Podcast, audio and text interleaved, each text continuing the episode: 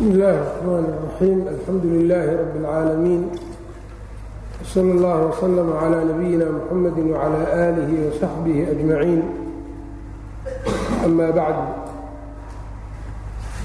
waxaan soo haynay kitaabkii alfusuul fii siiraةi الrasuul lilxaafid ibni kahiir raximah اllahu tacaala magacyadii rasuulka ayaan ka soo baxnay nasabkiisii ayaan galnay aabbihii iyo adeeradiis awowgii iyo awowyaalkii kale ee awowgiis la dhasheen. Ilaa nasabkiisii cadnaan ayaan ka soo hadalnay. Marka wuxuu leeyahay halkaasaan marka joognay waxa uu yidhi fajamiicu qabaa'ili اlcarabi yajtamicuuna macahu fii cadnaan fajamiicu qabaa'ili اlcarabi carab qabaa-isheedoo dhan yajtamicuuna macahu.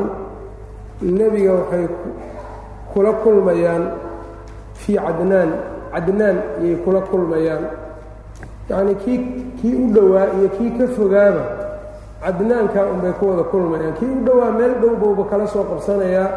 Midka ugu shisheeya oo carabnimada keliya ay wadaagaanna de inuu cadnaan ugu yimaado ayb macnuhu maahan marka qabaa-isha carabtao dhan nebigu waa u siman yihiin looma jeedo oo ay u kala dhow yihiin rasuulka calayhi isalaatu wassalaam laakiin carab oo dhan maadaama ay cadnaan nasabkeedu uu ku dhammaado cadnaanna uu min awlaadi ismaaciil uu yahay dadkii durriyadii ka farcantay ismaaciil uu yahay qabaa-isha carabtoo dhan marka nebigu cadnaan ayay kula kulmaan.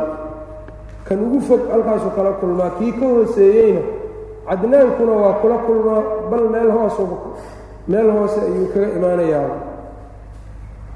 Walihaada saa darteed qaala allahu tacaala alla waxa uu yidhi qul laa as'alukum calayhi ajran ila almawaddata fi lqurbaa qul waxaad tidhaahdaa laa as'alukum calayhi ajran laa as'alukum idin su'aalan maayo idin weydiin maayo calayhi risaalada gaarsiinteeda ajran wax ujro ah ila almawaddata fi lqurbaa laakiin asilukum waan xiriiri asilu waan xiriirinayaa almawaddata ama laakin lakum ama yacni waxaad leedihiin idinku waxaan idin siinayaa ucdiikum almawaddata kalgacayl baan idin siinayaa fi lqurbaa yacnii dhowaanshada iyo qaraabada yaan kalgacayl idinku siinayaa yaan idinku xiriirinayaa qaala ibnu cabbaasin radia allaahu canhumaa ibnu cabbaas waxa uu yidhi lam yakun baطnun min qurayshin lam yakun ma aanay jirin baطnun laf oo min qurayshin quraysh ka mida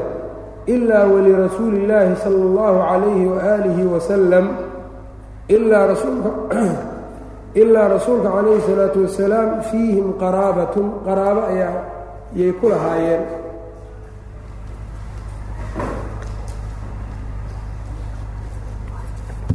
Yacni laf ma aynan jirin lafaha carbeed ka mid ah ilaa nebiga calayhi salaatu wasalaam qaraabo ayay marka ku lahaayeen oo qaraabay la ahaayeen. Saa darteed marka dadkii nebiga laga soo dhex saaray ee quraysh ahayd ama carabtii nebiga laga soo dhex saaray baa nebigu wuxuu leeyahay ujro iyo idin weydiisan maayo risaaladan gaarsiinteeda laakiin qaraaba igu leedihiin.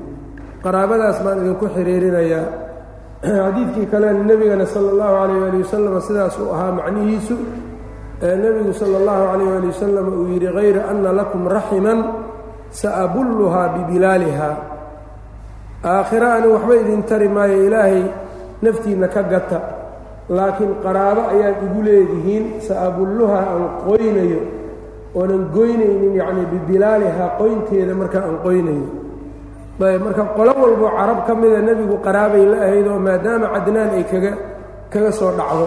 Ayb qaraabadaasaan marka idin siinayaa in idinku xiriirinayaa ujro idinkama rabo oo dadkaygiio aan risaalo gaarsiinayo hadday wanaagsanaadaan anay ii wanaagsanaanayaan buu leeyahay.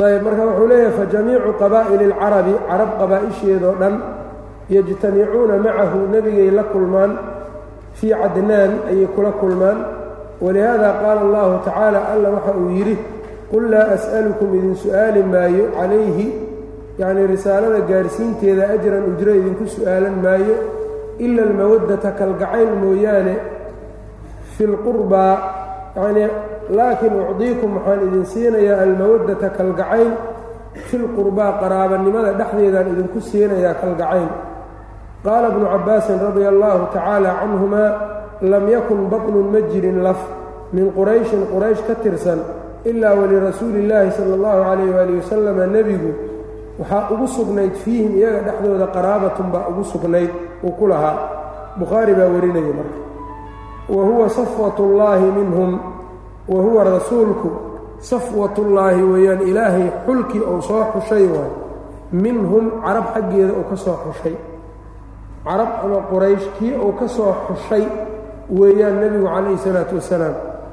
Kamaa rawaahu muslimun siduu muslim wariyey fii saxiixihi uu ku wariyey can waatilata bni اlasqac radia allaahu canhu qaal qaala rasuulu llaahi sala allahu calayh waalihi wasalama nebigu waxa uu yidhi ina allaaha alle ikhtaara kinaanata.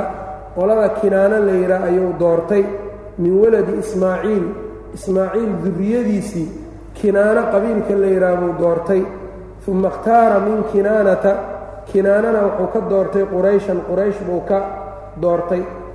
Uma ikhtaara min qurayshin quraysh xaggeedana wuxuu ka doortay bani haashimin reer bani haashim. Uma ikhtaaranii aniga ayuu i doortay min bani haashim. Qoyskaa reer bani haashimna anuu ilaahay iga doortay.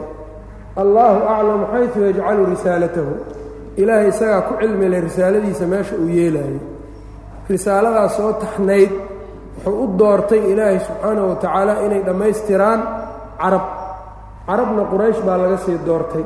Qurayshna waxaa laga sii doortay reer bani haashim. Reer bani haashimna waxaa laga sii doortay nebiga calayhi salaatu wassalaam waxaa laga qaadanayaa marka xadiidku carabtu inay dadka kale macno dheer yihiin.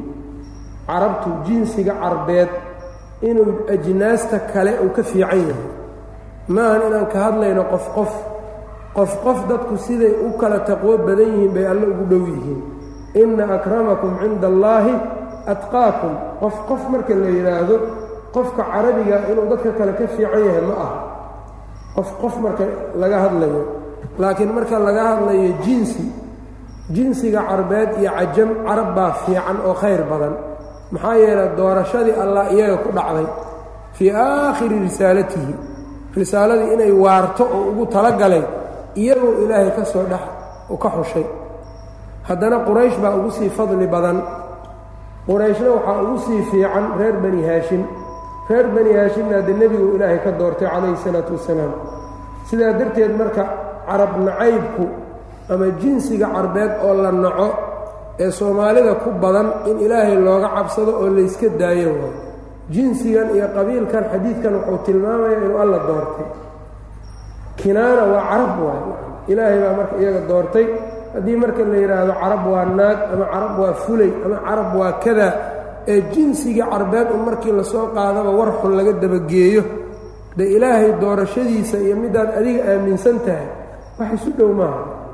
Shajaacadooda iyo deeqdooda iyo karti inay u leeyihiin risaaladan buu ilaahay u doortay. Dad kale alla uu dooran lahaa haddii khayr iyo wanaag iyaga ka badan uu ku jiro. Taa marka inayna deeqdo. Qofku in allaale inta uu carabtu xiriir la leeyahayna waa intuu islaamku xiriir la leeyahay. Xataa laba qofoo haddaad soo qabato caamo ah caamiga carabta la dhaqmay ee luqadda carbeed wax ka yaqaano iyo dhaqanka carbeed waa ka fiican yahay midka dhaqanka gaalada yaqaano.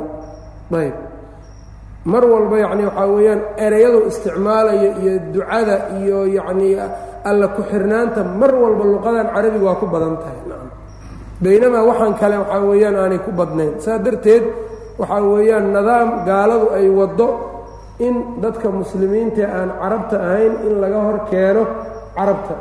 Carabtiina lagu diro dadka kale. Marka waxaanoo dhan waa qofka muslimka inuu ka digtoonaado haqaafadiisa ou haqaafo carbeed ka dhigto.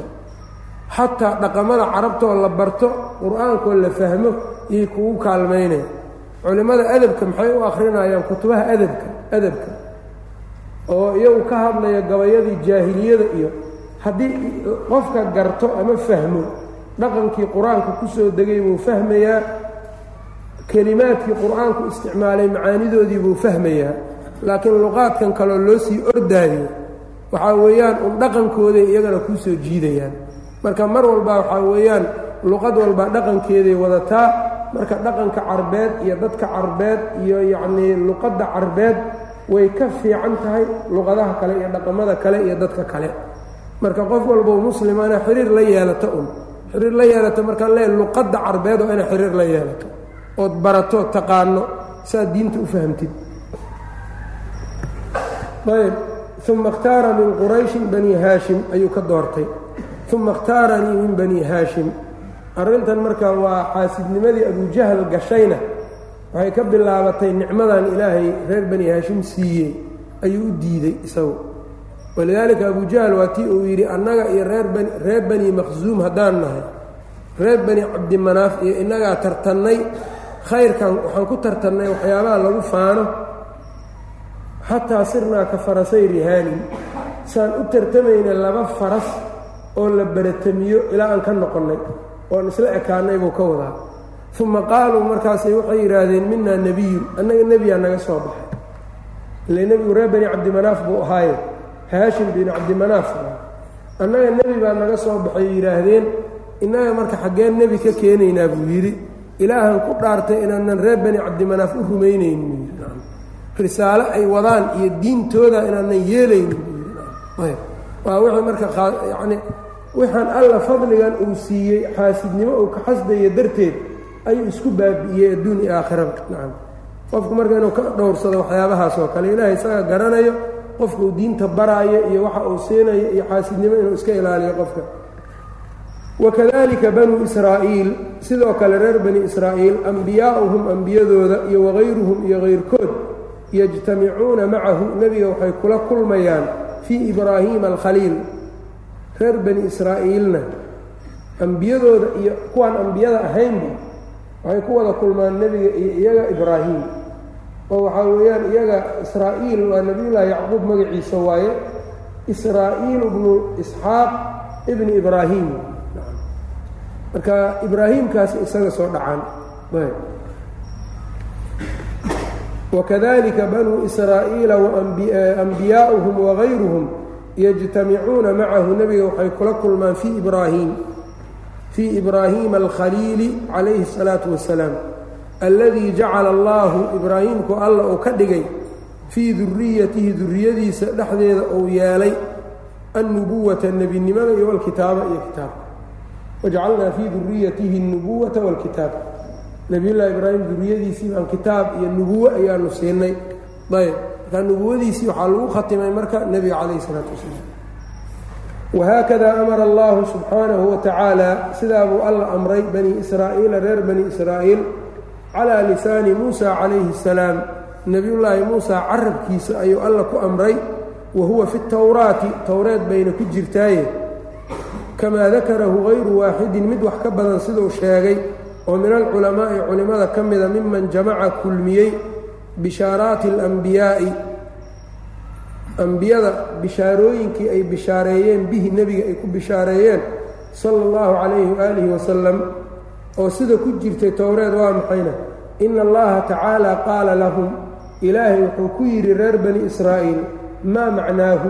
Alfaadii lama haayo laakiin maa macnaahu? wax macnihiisu yahay sauqiimu lakum min wlaadi akhiikum sauqiimu lakum waxaan idiin oogayaa idinka oon idiin taajinayaa min owlaadi akhiikum walaalkiin owlaaddiisii nebiyan nebi ayaan idiin oogayaayoon idiin taagayaa owlaad walaalkiin owlaaddiisii xaggeeda kullukum dhammaantiin yasmacu lahu wou maqlayaa wa ajcaluhu waxaanan ka dhigayaa cadiiman mid weyn jiddan aad u weyn hadal macnihiisu sidaa yahay yaa towreed ku taallayoo nebiyullaahi muuse uu ku bishaareeyey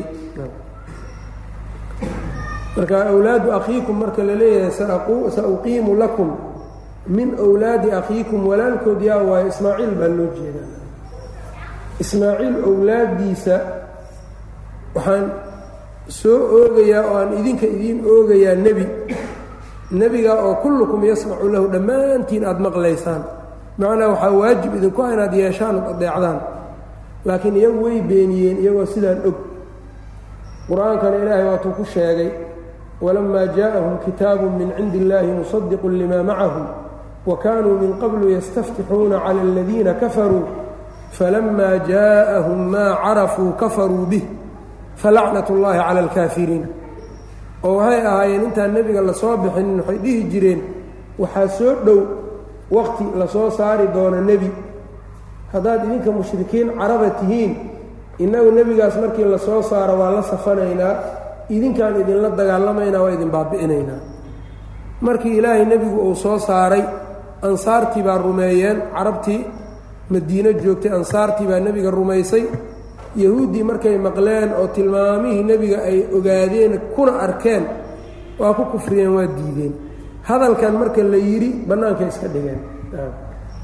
Ayb waxayna iyagu dhihi jireen moxamed waa nebi. Carabtowsa nebi u yahay innaga waxba shaqo naguma laha. Allana wuxuu leeyahay qul yaa ayuha annaasu innii rasuulu ullaahi ilaykum jamiican. Dadow aniga dhammaantiin rasuul baan idiin ahay. Wuxuu leeyahay waladii nafsii biyadihi macbuudka nafsadeyda gacantiisa ku jirtaan ku dhaaranayaaye laa yasmacu bii yahuudiyun walaa nasraaniyun uma laa yu'minuu bii ilaa kaana min ahli اnnaar yahuudi ama nasraani aniga ima maqlo uma uusan i rumaynaynin ilaa ahlu naar markaa risaalada nebiga saasay caam ku ahayd walam yuulad min bani ismaaciila ismaaciil duriyadiisii dhexdoodii lama dhalin acdamu min muxamadin sal allahu calayh ali wasalam acdamu mid ka weynin badan min muxamadin sala allahu calayh ali wasalam nebi moxamed ka weyn duriyatu ismaaciil laguma dhalin bal iska badaa owlaadda ismaaciile lam yuulad lama dhalin min bani aadama bani aadamka axadun axad walaa yuuladu lamana dhalaayo ilaa qiyaami saacati ilaa saacadda ay ka dhacdo acdamu minhu sala اllahu calayh ali wasalam axadka oo acdamu minhu ka weynin badan rasuulka calayhi salaatu wasalaam yani ismaaciil duriyadiisii isagoo kale lama dhalin bal bani aadamka isagoo kale kuma jiran mana imaanaya hadda kadib. Arrintaa iyadaa marka maxay xaggay ka timidna faqad saxa canhu annahu qaal nebiga waxaa ka ansaxday inuu yidhi ana sayidu waladi aadama ana anigu sayidu waladi aadama aadam ilmihiisa sayidkoodii baan ahay midka hoggaanka u hayo xagga fadliga. Walaa fakra ayb walaa fakrun midkan faanna ma aha aadamu aadam faman duunahu inta ka dambayso ka hoosayso min alambiyaa'i taxta liwaa'i calankayga hoostooda calankayga hoostiisa yay ku jiraan. Yacnii anaa calanka u sido waa iyagana way iga dambeeyaan. Xadiidkan isagaa marka waa saxiix ibnu xibbaan iyo abu yacla iyo keyrkii baa warinaayo isagoo markaa min xadiidi abi hurayra oo muslim uu warinayana waa jiraa. Ayb oo uu yidhi nebigu sal ll ly slam maalin maalmaha ka mida isagoo hilib cunayo garab garabkuu aad u jeclaayay isagoo cunaayo ayuu hal mar goostay. Markaasuu wuxuu yidhi fanahasa nahsatan uma qaala ana sayidu waladi aadama walaa fakra anigu waxaan ahay aadam ilmihiisa sayidkooda faanna ma aha. Ee waa nicmada ilaahay isiyon ka sheekaynayo atadruuna bima daaka? Arrintaa maxay ku dhacday ma garanaysaan. Markaasuu yidhi dadku qiyaamuhu markay yimaadaan aadam bay u tegayaan markaasay leeyihiin shafaacay ka dalbayaan waa soo celinayaa nuux buu u soo celinayaa ibraahim buu u soo celinayaa muuse u soo celinayaa ciise u soo celinayaa nebigay u imaanaysaa isaga ayaana qaadayo. Ana lahaa buu leeyahay markaasaa sharaftiisa iyo waxtarkiisu. Banka qiyaamo oo dadkii aadam laga bilaabay ilaa kii u dambeeyey banka qiyaamo ay joogaan ayaa sharaftiisa ay ka muuqaneen rasuulka calayh isalaatu wasalaam dadkii oo dhammaan wada arkaayo yaa sharaftiisa iyo fadligiisa ilaahay uu muujinayaa. Wasaxa canhu waxaa ka ansaxay annahu qaala inuu yidhi saaquumu maqaaman. Saaquumu waxaan istaagi doonaa maqaaman meel la istaago. Yarqabu ilaya alkhalqu khalqiga xaggayga ayay soo damcayaan kulluhum dhammaantood xataa ibraahim xataa ibraahim kolay ku tahay. Nebiyullaahi ibraahim xataa aniga ayuu isoo fiirinayaa rasuulku dabcan markaa waxaa weeyaan isagii baa waxaa la leeyahay orodoo ilaahay nooga ergey. Mar un dadkan ha kala fasaxo. Kii naar geli lahaa iyo kii janno geli lahaa. Maxaa yeele dadku markaa shiddo aysan horay u arkin iyo haysato. Kii naarta geli lahaana naarta war uma haayo weli. Markaa wuxuu is leeyahay war meeshan ha laga dhaqaaqo. Qoraxdiioo halkaa la keenay dhididkiioo dadkii markaa waxaa weeyaan qaar uu anqowyada u joogo kuwo jilbaha kuwo meesha macwista laga xirto kuwo dhididka uu xakamaynayo dhagaha uu u joogo iyo shiddadaa iyo dhibaatadaas iyo dadkiioo saa isu kor tuban kuwii ugu horreeyey adduunka iyo kuwii ugu dambeeyey. Markaasay leeyihiin meeshan uun si hana looga dhaqaajiyo. Ambiyadii baa marka laga doonayaa yacni shafaaco.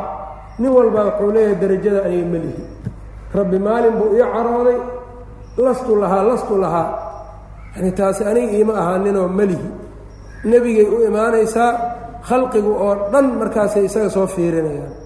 Isagii marka alle carshigiisa hoostiisau ku sujuudayaa iskama hadlaayo marka nebiga ilaahay buu yaqaanaa awooddiisa iyo weynaantiisa. Carshiga hoostiisau sujuud kula dhacayaa allow ammaanayaa ammaan aan adduunyada loogu furin.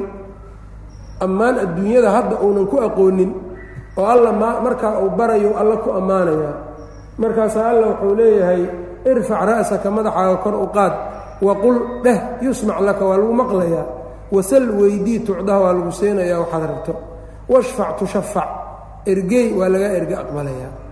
Markaasaa ilaahay uu soo degayaa lifasli اlqada buu u soo degayaa dadkii baa la kala saarayaa kii janno aadi iyo kii naar aadi laha maqaamkaas marka dadkoo dhan baa nebiga marka mahadinaya fadligiisa marka meeshaasaa ilaahay ka muujinaya subxaanahu wa tacaala hadda dadku waxaa weyaan mu'miniinta u muuqdaa dadka intiisa kale uma muuqda laakiin meeshaa marka la taga dadkao dhan buu u muuqanaya. Xadiidkaa marka muslim baa warinaya min xadiidi ubay bni kacab aayadda qur'aankana macnahaasaa lagu fasiraa casaa an yabcahaka rabbuka maqaama maxmuuda wahaada kani huwa almaqaamu weeyaan maqaamkii maqaamkii day almaxmuudu la mahadiyey alladii maqaamka oo wacadahu allaahu ilaahay uu yaboohay tacaala sarreeyey nebigiisa uu u yaboohay. Wa huwa shafaacatu alcudmaa waa shafaacada weyn allatii yashfacu uu shafeecayo fi lkhalaa'iqi. Khalaa'iqda uu u shafeecayo nebiga kullihim dhammaantood.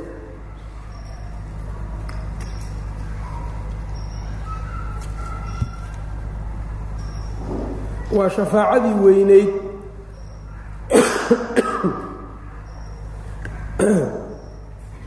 oo alla subxaanahu wa tacaala khalqiga dhammaantood oo nebiga sal ll slam khalqigoo dhan oo u shafeecaya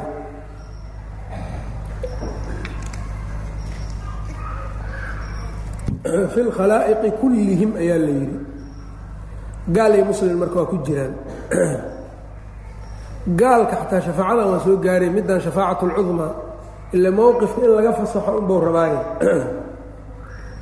liyuriixahum اllaahu muxuu ugu shafeecayaa khalqigoo dhan gaal iyo muslimba liyuriixahum اllaahu ilaahay subxaanahu wa tacaala sida uu uga raaxeeyo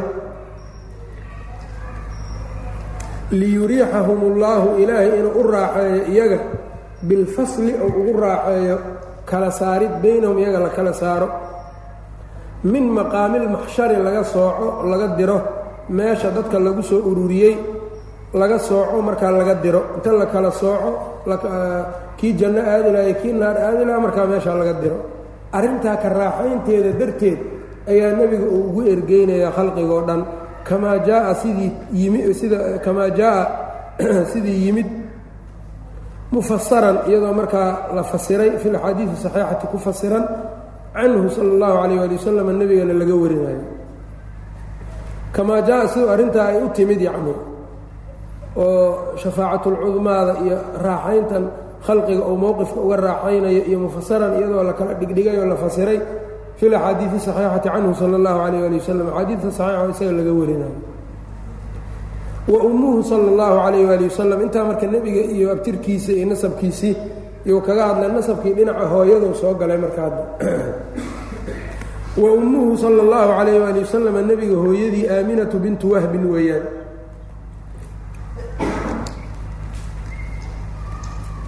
aaminatu bintu wahbi bni cabdi manaafi bni zuhra weeyaan ibni kilaab ibni mura iyada iyo markaa waa bani zuhra iyada ayb abtirkaana horaan uga soo hadalnay wa ummuhu sala اllahu calayh waali wasalama hooyadii aaminatu weeyaan bintu wahbi bni cabdimanaaf bni zuhrata bni kilaab ibni murata ahayd ooyadii marka sidaa baa la dhihi jiray qoladaa reer bani zuhra ahayd cabdiraxmaan bin cawf iyo sacd bn abi waqaas iyo iyo isku qolo ahaayeen faslun wilaadatu rasuuli illaahi sal اllahu alayh sala اllahu alayh waalih wasalam wa radaacatuhu. Dhalashadiisii iyo nuugmadiisii. Dhalashadii nebiga waktigii uu dhashay meeshii uu ku dhashay iyo nuugmadii ciddii uu ka nuugay. Ayuu halkan uga hadlaya fasalkan. Wawulida rasuulu llaahi sala اllahu alayh ali wasalam nebigii waa la dhalay yowma اlitnayni baa la dhalay maalin isniin. Ah waa laysku raacsan yahay in maalin isniina la dhalay. Xadiid muslim ku sugan baa ku soo arooray maalinta isniintaa nebigu waa soomi jiray markaasuu wuxuu yidhi daaka alyowm aladii wulidtu fiihi. Waa maalintii lay dhalay. Marka isniin la dhalay warkama joogo. Ayb wawulida rasuulu llaahi sala allahu alayh waali wasalama yowma اlitnayni baa la dhalay. Lileylatayni laba habeen khalataa markay tageen min rabiic اlwal ay ka tageen. Laba habeen markay rabiiculawal ka tagtay maxay noqonaya marka labadii yani rabiiculawal bisha rabiiculawal markay laba ahayd baa la dhalay buu leeyahay yani qowlka. Wa qiila waxaa la yidhi aaminuhu rabiiculawal sideedeedii baa la dhalay. Wa qiila caashiruhu waxaa la yidhi toban markay ahayd.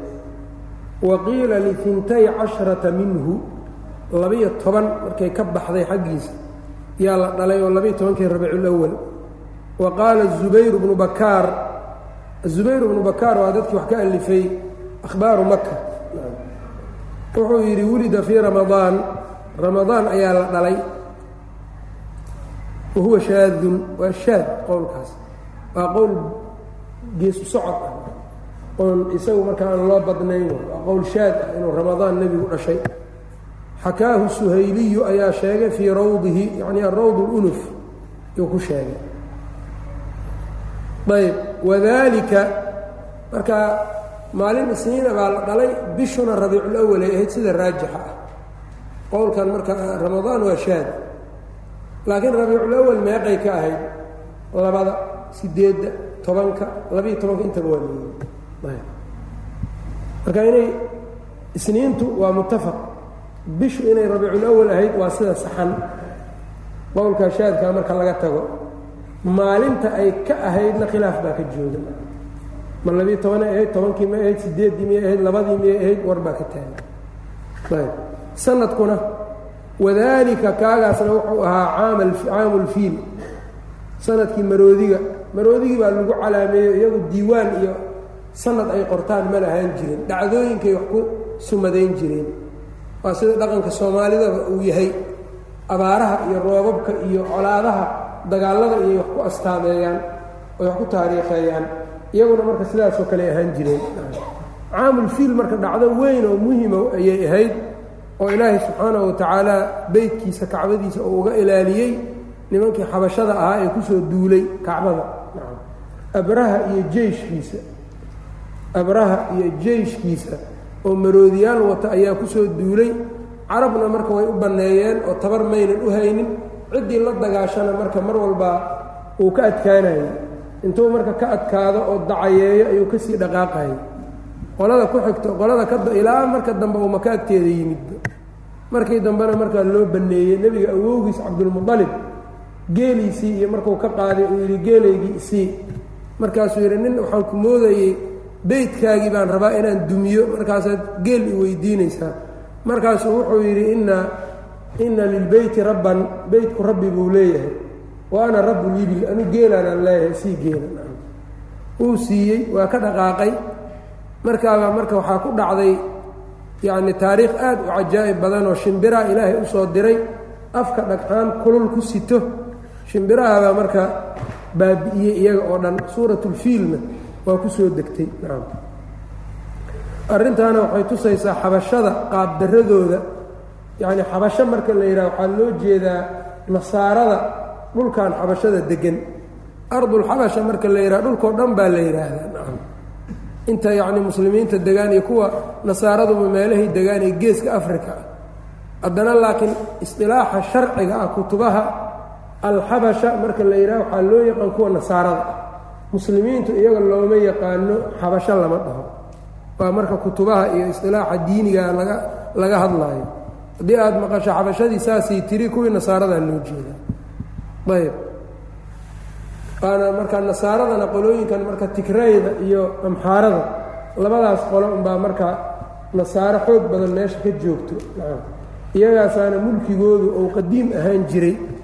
Kuwa weeraray kacbadana iyaga waay akhiiranna kuwa weerari doono oo dudumin doonana iyagay noqonayaan. Sida xadiidka saxiixa uu tilmaamayo nebigu uu yidhi sal l slam kaannii anduru ilayhi. Waxaadma moodaysaa inaan arkayo o fiirinayo usaylaca mid yacnii bidaar leh oo xamshu saaqayni maja dhudhuuban oo majihiisu ay dhudhuuban yihiinoo bidaar leh gaaban oo kacbada yacnii yaqlacu xajaran xajaran dhagax dhagax u fujina. Ayb nimankaa marka gaalnimadooda iyo kufrigoodu iyo qaabdaradoodu la mid ma ahan gaalada kale xataa. Ayb boqorkoodii iyaga boqorka u ahaaya islaamay iyagiina waa lagu kari waayey. Najaashi iyo ninay ilmo adeer ahaayeen oo abu daawuudka xadiid ku sugan labada unbaa la tilmaamay bis. Cid kale oo iyaga ah oo markay saxaabadii u tagtay soo islaamtay siiradii taariikhdii laguma sheegin. Ayb marka nimankaas marka sannadkii ay kacbada soo weerareen oo shimbirahaas ay baabi'iyeen yaa nebigu dhashay. Wadalika caama alfiil buu ahaa wadalika caamu lfiil buu ahaa bacdahu caamulfiil gadaashiisa bihamsiina yowman konton habeen. Yacnii dhacdadii maroodiga markay dhacday konton habeen kadib. Bihamsiina yowman ha konton maalmood kadib wa qiila waxaa la yidhi biamaaniyatin wakhamsiina yowman konton iyo sideed maalmoodna waa la yidhi.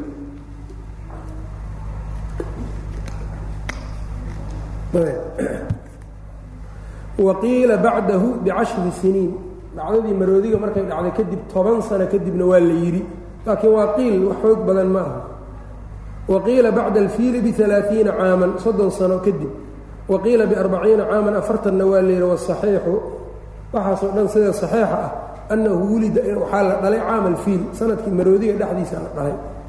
Waqad xakaahu ibraahimu bnu lmundir alxizaamiyu shaykhu lbukhaariy bukhaari sheekhiisa ibraahim ibnulmundir wuxuu saasuu sheegay wa khaliifatu bnu khayaad taariikhu uu leeyahay sheekhan khaliifatu bnu khayaad wagayruhumaa iyo kayrkood ijmaacan ayay xikaayoodeen ijmaac yani sannadkii maroodiga nebigu inuu dhashay bil ijmaac bay u xikaayoodeen marka qiilalkan macno male marka. Ayb. Maalin isniinuu dhashay bisha rabiiculawal ilaa labada ama sideedda tobanka labayo tobanka. Intaasba waa layidhi sannadkii maroodiguu dhashay. Ayb. Wamaata abuuhu wahuwa xamlun.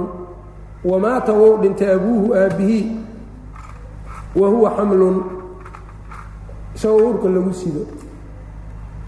Wamaata abuuhu aabbihii wou dhintay wahuwa xamlun isaga oo maxmuu la sido oo uurka lagu sido. Waqiila bacda wilaadatihi biashhurin.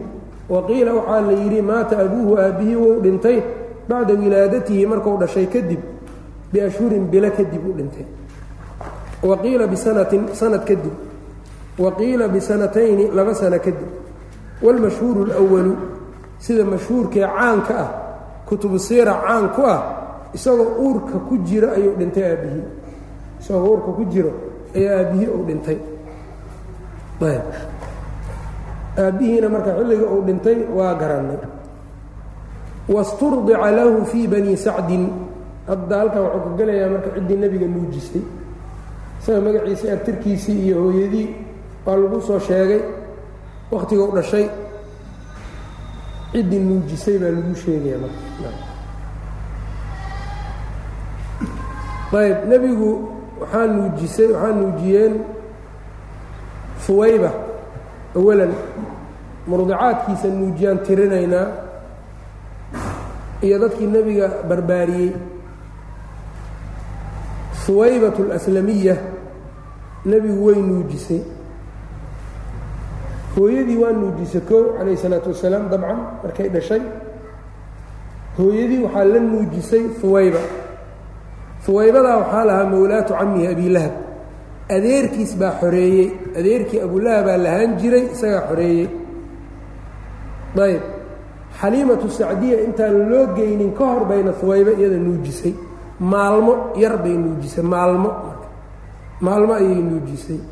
Ayb waxayna la nuujisay huwayba isla nuujisay rasuulka calayhi salaatu wasalaam iyo abu salama. Abu salama cabdula yani abu salama umu salama ninkeedii iyo xamze oo nebiga adeerkiis ah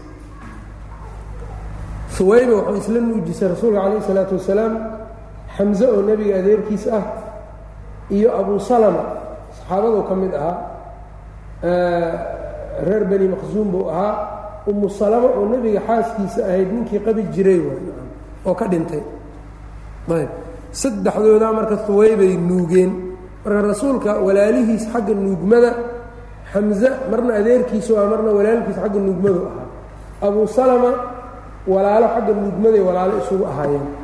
Taana nebigu wuxuu caddeeyey markii la yidhi waxaad rabtaa inaad guursato umu salamo gabadhii ay dhashay zaynab ahayd. Markaasuu nebigu yidhi sala اllahu calayh ali wasalam innahaa low lam takun rabiibatii fii xajrii haddaysan ahaan lahayn gabar hooyadeed aan qabo gurigayga joogto maa xallat lii taa xataa haddaysan ahaan lahayn iima aysan bannaanaateen. Innahaa libnati akhii min alradaaca walaalkay nuugmada iigu walaal ahaa yaa dhalay ardacatnii wa abaa salama huwaybatu aniga iyo abuu salamaba huwaybaa na nuujisay. Abuu salama marka cabdullaahi bn cabdilasad ayaa la yidhaha almaqsuumiy ayb waxaa iyaga la nuugay marka caanaha ay nuugeen waxaa nuugaayey huwayba wiilkeeda masruux. Masruux. Masruux iyo nebigu marka maxay isku noqonayaanna walaalo isla nuugay. Ayb huwayba markay nebiga iyo xamse iyo nuujinayso cunuga markaa iyada ay dhashayoo naaskeeda nuugaayo wuxuu ahaa masruux baa la dhihi jiray. Masruux marka waa nebiga walaalkii min aradaaca nuugmada. Walaal ugu ah. Ayb. Iyada huwayba inay islaamtay iyo in kale yacni waxaa loo badan yahay inay islaamnimadeeda wax sheegaayo ma jiro. Ibnu manda saxaabada ku dhex daray laakiin waa keligii buu ku ahaa. Sida mashhuurka kutubu siyar caanka ku ahna yacni wax islaamnimadeeda sheegay ma jiro nebiguna markii dambe waa maam aad u maamuusi jiray bacda albicثa waa karaamey jiray waxbuu u diri jiray lacago iyo cunto iyo xiriirin fiican buu ku samayn jiray waana u soo geli jirtay maadaama iyada ay soo nuujisay. Ayb. Tambiih yar marka meeshaan intaanan ka bixin huwayba iyo nuujintii nebiga waxaa jiro saxiixulbukhaariga xadiidkii hadda aan sheegay markuu sheegay kadib ayuu wuxuu dabageliyey waqaala curwatu curwa wuxuu yidhi curwa waa taabici. Taabici taabiciinta ka mid ah wuxuu yidhi waxaa lagu riyooday abulahab yaa qof baa wuxuu ku riyooday abulahab markaasuu yidhi abulahab maxaad aragtay markii aad dhimatay kadib? Waa lay cadaabayaa buu yidhi laakiin suulkaas ayaa layga waraabiyaa wax yar oo aan yacnii wax wax ka helaa taasna waxaan u malaynayaa buu yidhi xorayntii aan xoreeyey huwayba markii nebi moxamed dhashay. Yani xorayntii aan xoreeyey huwayba darteed yaa laygu siiyaa intaas intaa weeyaan inta uu sheegayo ayb qisadaas marka in wax yar aan ku istaagaan rabi lahay awalan qisada marka hore qiso sugan maba ahanba inaynan sugnayn saxiixulbukhaarigay ku jirtaana lama dhihi karo. Maxaa yeeley saxiixulbukhaariga xadiidkaa ku jiro amaa qisadan dambe iyada bukhaari sanad maba ku warininba. Wa qaala curwatu unbuu iska yidhi qiso sanad uu ku wariyey oo ixtijaaj iyo kitaab inuu soo dhexgeliyo ugu talagalay ma aha. Sidaas iyadana ibnu xajaraa buu sheegaya laftirkeedaba ibnu xajar ayaa sidaa u sheegay ayb laba meelan marka qisadan kaga noqonaya meel waa sugnaanshadeeda ayb. Oo wuxuu yidhi xaafidku oo wuxuu sheegay xaafidku ana alkhabara mursalun. Wuxuu yidhi khabarku waa mursal yani sanadkiisu waa gogo-an yahay. Arsalahu curwatu curwa yacnii irsaaliyey walam yadkur man xadaahu bihi. Ciddii u sheegtayna ma uusan sheegin. Wa calaa taqdiiri an yakuuna mawsuulan. Sanad mutasila oo xiriiro xataa hadday ku soo aroori lahayd wuxuu yidhi faaladii fi اlkhabari ru'yaa manaamin falaa xujata fiihi. Xataa hadday sugnaan lahayd waxaani waa riyo riyana wax axkaama oo sharcioo lagu dhisa riya ma jirto faina aladii fi اlkhabari ru'yaa manaamin falaa xujata fiihi. Riyo marka xujo ma leh. Haddii riyada yacnii ay deliil noqon lahayd nin walbaa markuu riyoodo xalay nebigan ku riyooday salaadaha la tukaduu yidhi. Marka ma sharci bay noqonaya in salaadahaas la tukado. Ru'yada iyadu waa layska weheshadaa laakiin xukunka ma dhasho. Kow maadada labaad waxay tahay abulahab goormuu xoreeyey gabadhan. Kutubu siira waxay tilmaamayaan wuxuu xoreeyey qabla alhijra. Markuu nebiga dhashay maaha inuu xoreeyey. Wuxuu xoreeyey nebiga intaanu hijroonin wax yar ka hor. Ayb. Mowdacaasna in la ogaado u baahan yahay oo kutubu ibnu xajar wuxuu leeyahay waladii fi siyari yukhaalifuhu wa huwa ana abaa lahab actaqahaa qabla alhijrati wadalika bacda alirdaaci bidahrin طawiil abulahab goorta uu huwaybo xoreeyey waxay ahayd markay nuujisay waqti dheer kadib ilaa markay nuujisay nebigu waa yaraa. Waa la soo diray afartan sanaa lagu soo diray nebiga toban sano saddex-iyo toban sana aan u jeedaa ayuu maka joogay. Markaa kadib uu hijrooday. konton iyo saddex jir markuu nebigaabuu hijrooday rasuulka. Markaas agteeda waay markuu abulahab xoreynayo gabadhan ujeedkan marka u keenay labadan nuqdo maxay tahay marka? Ujeeddadu waxay tahay dad baa qisadani waxay u deliishadaan in nebiga calayhi salaatu wasalaam dhalashadiisa mawliid loo dhigo loo ixtifaalo loo damaashaado taas waxay keenaya abulahab oo gaala yaa ilaahay subxaana wa tacaala ku anfacayay ku leeyihiin.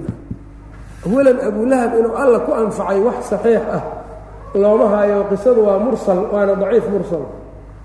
Halkan ibnu xajar saas ku leeyahay fatxulbaari tan hore marka taasaan ka rabay midda dambena iyagu waxay u moodaan mar allaale markii nebigu uu dhashay walaalkay cabdullaahi yaa u dhashay wiilaa u dhashay baa layidhi suwayba waa xoraysan tahay buu yidhi. Marka waxay leeyihiin ku farxiddii dhalashadii dhalashadiibuu xorayntan ku beegay. Markuu ku beegayna in lagu beegi karay daliil u tahay dhalashadiisa acmaal cibaadaad. Iyaduna waxaan leenahay markuu dhashay nebigu ma uunanba xorayninba.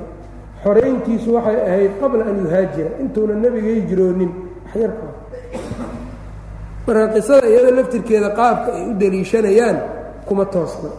Masaladaa iyada marka suwayba waxa ku tacalluqo intaasaan uga baxayaa labadaas meel. Qisada qaybta dambe bukhaari shuruudiisa maba ahanba. Shuruuduhu fi saxiix ma aha. Tan kale camal abulahab uu sameeyey oo nebiga dhalashadiisa uu ku beegay maba ahayne. Afartameeyo sano kadib waayo markuu xoraynayo dhalashadii nebiga iyo xoraynta afartameeyo sano ka badan baa udhexaysay sida kutub siyar ku sugan taas marka intaasaan uga tegayaan. Nuqdo kale waxay tahay bisha rabiicul ee nebiga dhashay cibaadaad lagu khaas yeelo ma jiraan iyada. Bani aadamku waxaa fiican yacni sidii si cilmiya inuu yacnii wax u fahmo ama inuu si cilmiya wax u sheego hadduu wax sheegayo bilaha islaamku waa labayo toban bilood. Labayo tobanka bilood bil walbaa bilaha acmaasha goonida leh ee iyagu ay ku soo aroortay in waxyaabo gaaroo cibaadaad gaara loo sameeyo diintu kama aynan tegin.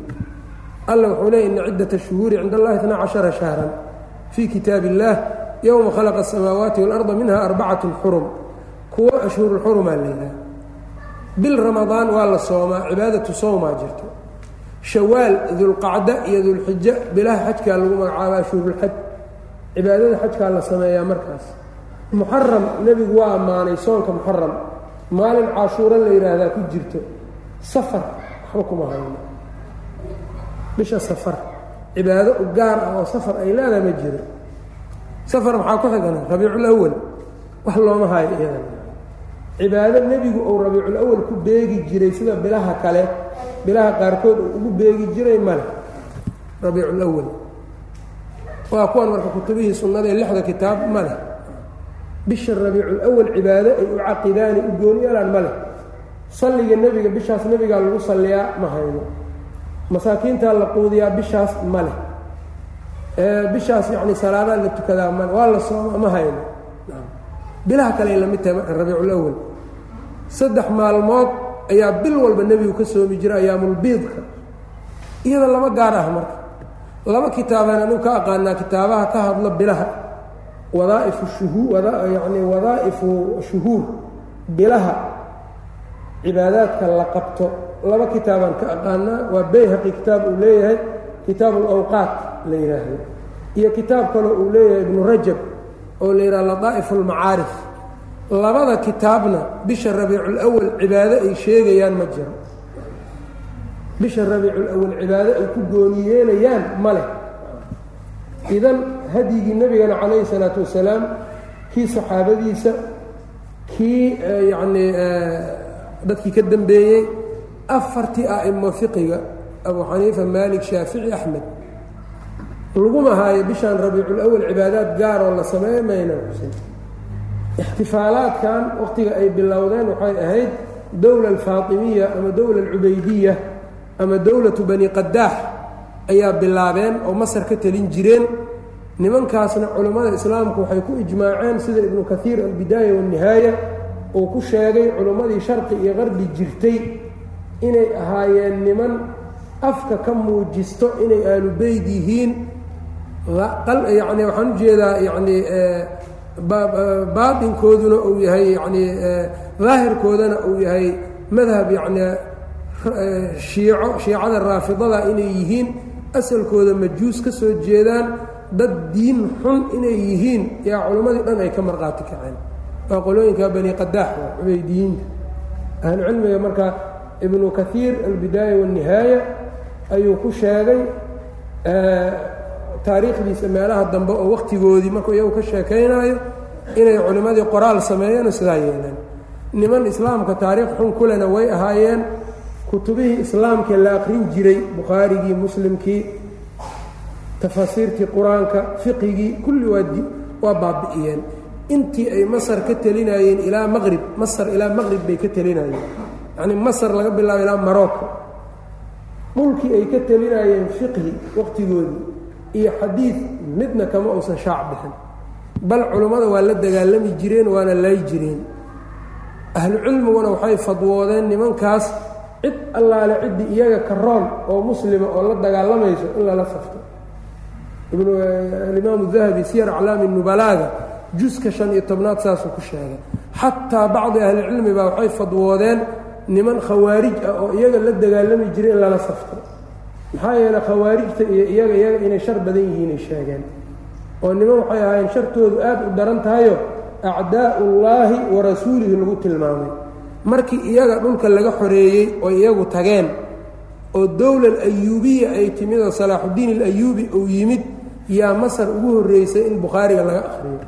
Taqriiban muddo shan boqoloo sano ku dhow yaan saxiixulbukhaari la kala furin. Ninkii kala furana saliid ayay ku ridi jireen karkarayso. Marka kutubta taariikhaha ha la fiiriyo nimanka marka bilaabay dadkayna ku mashquulinayeen waxaan taqarub iyo maaynan ahayne dadkay ku mashquulinaya ilaa dhowr mawliid bay samay jireen. Mawliid ay ku magacaabeen kan rasuulka mid cali ay u sameeyaan xasan iyo xuseen faatima iyo mid iyagu boqoradooda ay samaysan jireen. Waxyaabuhu taariikhda ay xusteen ugu darnaa waxaa ka mid a niman dadka dhiboo dadka qasbay ahaan jireen. Addoommo ayay marka la ahaan jireen addoommadaasay dadka ka adeeji jireen. Addoon mascuud la dhihi jiray yay dadka ka adeejin jireen suuqyada ay ku arkaan iyagoo khiyaano iyo waxaa samaynayo markaasay waxay leeyihiin qofkaad ku aragta khiyaano qofkii lagu arko liwaad ku sameey gadaalka isticmaal. Niman waxaa sameeyey ahaayeen culimmada islaamkaana kutubahooda ku dhigeen. Albidaaya wanihaaya ibnu kaiir waa ku dhigayaa akhbaartooda wax badanna siyar aclaami nubalaaga alimaamu dahabi uu ku sheegay. Abu xaamid alghazaali nimankan marka baadiniyadan kitaab buu leeyahay uu ku radinayo nimankan. Abu xaamid alghazaali faqiiha yani shaaficiga ayb calaa kulli nimankaasaa marka bilaabay sidaan hadda loo sameeyo bisha maalinkaa bisha rabiiculawal maalinkay labayo toban ka tahay in dadka yacnii cunto la sameeyo la damaashaado masaakiin la siiyo iyo wax kaleba wakhtigaasay bilaabatay. Marka diin marka saxaabadii iyo a'immadii afarta ahaa laga waayey cid kale oo hadda qaabka siiradaas leh wax khayr inuusan lahayn yaan dareemayna calaa kulli nebigu bishaan cibaado u gaara oo uu samayn jiray ma jirin. Maalinta isniinta ee isaga la dhalay waa soomi jira rasuulka calayh isalaatu wasalaam. Ninkii uga dayanaya isniin iyo qamiis inuu soomo waa leeyahay. Laakiin isniin ayuu soomi jiray bisha rabiicul awalaan annagu nebiga ku sallinaynayoon cunto qaybinaynaa wax islaam ah. Ayb. Calaa kullin marka masalada iyadaa marka labadaas meel baan rabay inaan uga noqdo qisada fuwayba ku tacalluqdo waxaa kaloo nebiga nuujisay calayhi salaatu wasalaam xaliimatu sacdiya. Yaa nebiga nuujisay min bani sacad bay ahayd qoladan marka hawaasin ayay ka dhalatay. Ayb waxayna ka nuujisay bilabani ibniha cabdillaahi. Ayb wiil ay dhasho cabdullaahi la dhahayay baa la nuugi jiray rasuulka sal ly slam akhii unaysa. Wiilkaana waxaa la dhashay unaysa gabar la yidhaahdo wa judaama gabar la yidhaahdo wahiya shiimaa judaamada naanaysteeda shiima ayaa la dhihi jiray. Waa nebiga walaalihiis xagga nuugmada ugu ah ogow unaysa cabdullaahi judaama oo shiima la dhihi jiray. Midan marka shiimaa markii nebigu dagaalkii xunayn uu galay oo khanaa'imta uu ka soo qaaday wafdigii hawaasin ayay la socotay gabadhan nebiga walaashiisa ku xagga nuugmada walaasha ugu ah. Saas waana soo korisay nebiga sal l slam oo iyada way ka weynaydo waa la ilaalin jirtay hooyadeed. Ayb. Wahiya shiimaa yaa dhalay kuwa alxaari ibnu cabdilcusa caanaha marka nebigu nuugay waxaa sabab u ahaa oo iska lahaa alxaari ibnu cabdilcusa muxuu u noqonaa marka alxaari nebiga? Aabbo u noqonaa aabba xagga nuugmada. Xaliimatu sacdiyana hooyo xagga nuugmaday hooyo ugu tahay. Ayb iyada marka waxaa la nuugay xaliimatu sacdiya in adeerkiis abu sufyaan ibn اlxaari ibn cabdilmualib abu sufyaan ibn اlxaari ibn cabdilmualib nebiga ilmaadeere alxaari ibn cabdilmualibaa dhalay nebiga adeerkii. Abu sufyaan baa la dhihi jiray wuu la nuugay. Xaliimatu sacdiya isagana nuugay. Ayb hadhow waa tirinaynaa dadka nebiga walaalaha xagga nuugmada walaalo ugu ah ogow ayb abu sufyaan ibn اlxaari ibn cabdilmualib ayaa la dhihi jiray ilma adeeray waa la nuugay laakiin aad buu nebiga u nacbaa ninkan markii hore. Wa kaana shadiida alcadaawati lirasuuli اllahi sal l slam aad buu nebiga u nacbaa jiray fatxu maka markii maka la furtay buu islaamay. Islaamnimadiisiina waa hagaagtay markaa ka dagaalkii xunayn markii laga cararay rasuulka ninkii baqashiisii haayey abu sufyaanka dadka qaar baa waxay moodaan abu sufyaankii weynaa inuu yahay abu sufyaan ibnu xarbin ma wuxuu ahaa abu sufyaan ibn alxaari ibn cabdilmualib waa la nuugay rasuulka calayh isalaatu wasalaam. Ayb. Waxaa kaloo la yidhaha xamse laftirkiisu maalinuu la nuugay. Xaliimatu sacdiya. Marka xamse oo nebiga adeerkiisa walaal nebiga nuugmo walaal ugu ah waayo min jihatayni laba dhinac. Huwayba iyo xaliima sidaana marka ahlucilmigu way tilmaamaan. Ayb. Xaliimatu sacdiya iyadana marka cabaar bay nuujinaysay labadan xaliimo iyo ninkeeda alxaari ibn cabdilcuza iyagu inay islaameen iyo in kale lama oga allahu aclam. Wasturdica lahu nebiga waxaa looga nuugmo dalbay fii bani sacdin reer bani sacad. Ayb.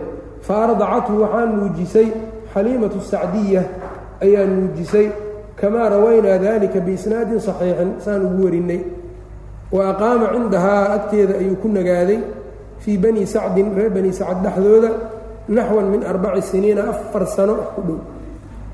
Wa shuqa waa la dilaaciyey nebiga can fu'aadihi. Isagoo ilmaha la ciyaarayo la joogo ayaa qalbigiisa ayaa la dilaaciyey. Hunaaka meeshaa baa lagu dilaaciyey. Faraddathu ilaa ummihi xaliimatu sacdiya way soo celisay nebiga hooyadiisii u soo celisay.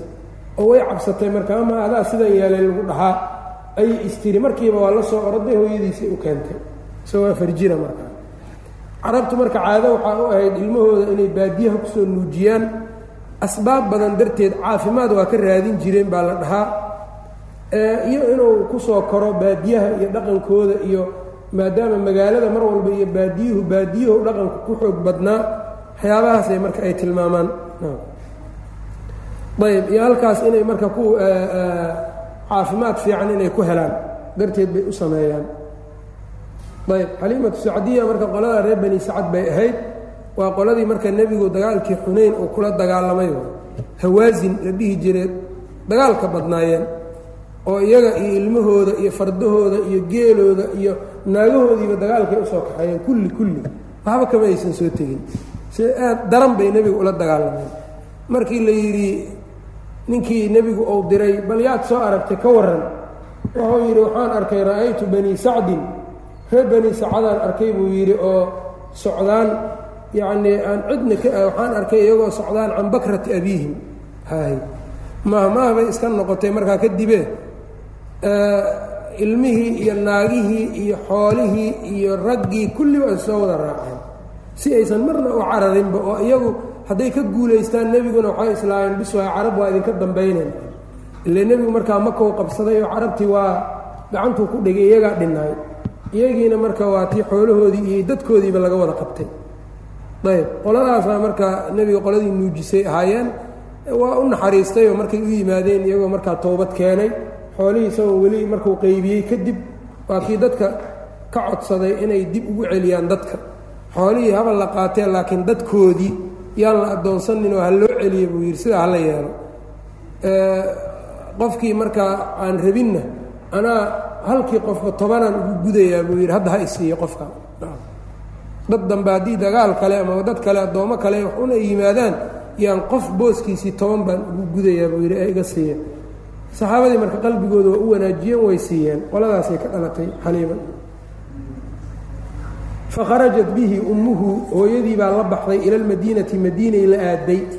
Tazuuru akhwaalahu abtiyaalkiis iyadoo booqanaysa markaas.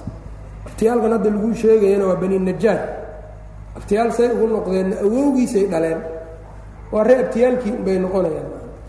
Awowgiis bay dhaleenoo cabdulmualib cabdulmualib ay abtiyaal u yihiin isaguna abtiyaaloo kale lay u yihiin. Fakharajat bihi ummuhu ila almadiinati bay ula baxday tazuuru akhwaalahu abtiyaalkii iyadoo booqanayso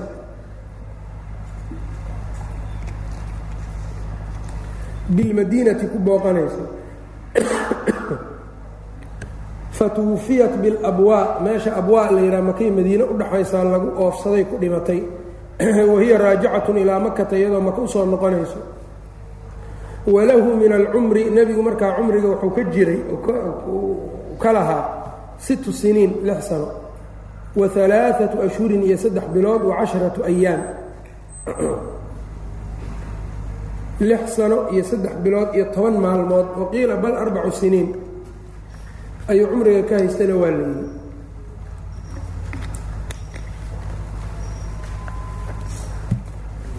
waqad rawaa muslimu fii saxiixihi muslim saxiixiisa wuxuu ku soo wariyey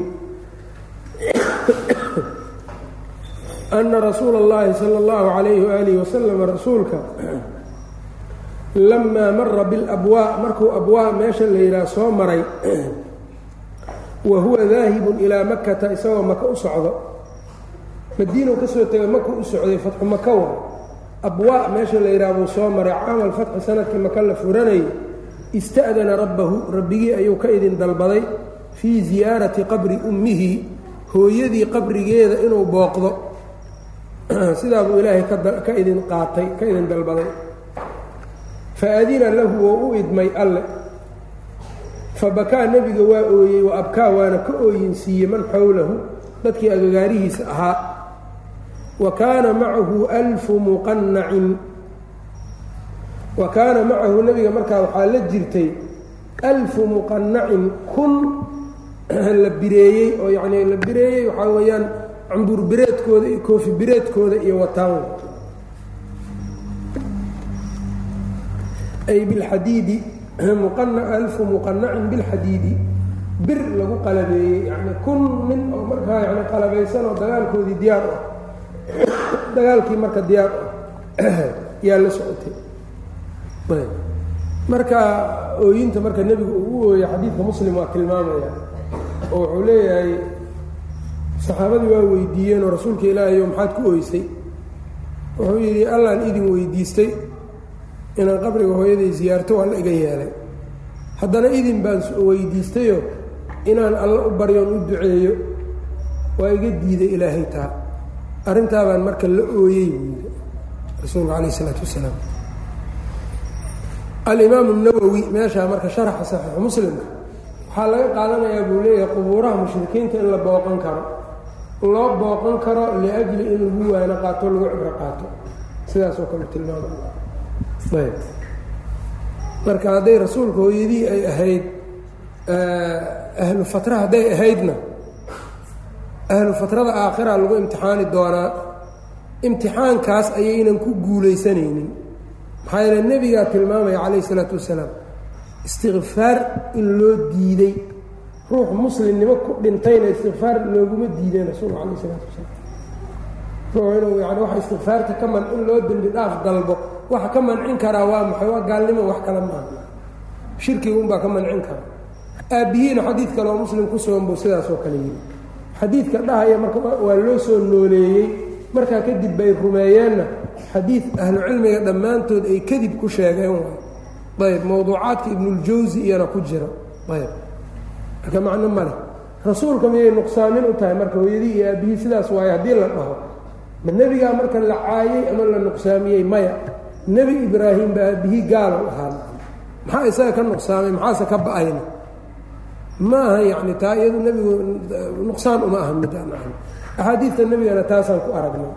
Sharaxa imaamu muslim saxiixiisao nawowina sidaasuu tilmaamaya marka oo isaguna waa qiraya qubuuraha gaalada in la booqdo. Haddayna iyagu ahayn marka wax uu booqday maxay tahay? Meesha kale marka nebigu calayhi salaatu wasalaam hooyadii qabrigeeda uma safrine isagoo maka u socdo ayuu ku leexday meeshii. Halkanna marka way khilaafsan tahay in la yidhaahdo qabriga waalidku hadduu meel dheer ku yaalla waa loo safri karaa.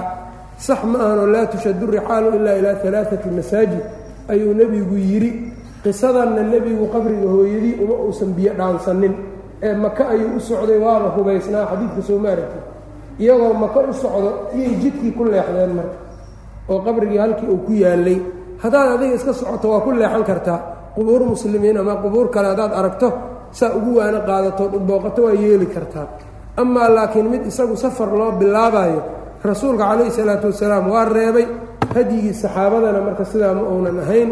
Marka hooyadiina meeshaabay nebiga ku dhimatay dabadeed marka xadaanada ka dambaysay oo awowgii inuu qabtay uma adeerkii uu qabtay iyo yaan halkan ka sii geli doonaa in sha allahu tacala wabilahi towfiiq sala allah wslam calaa nabiyina mxamed wcala ali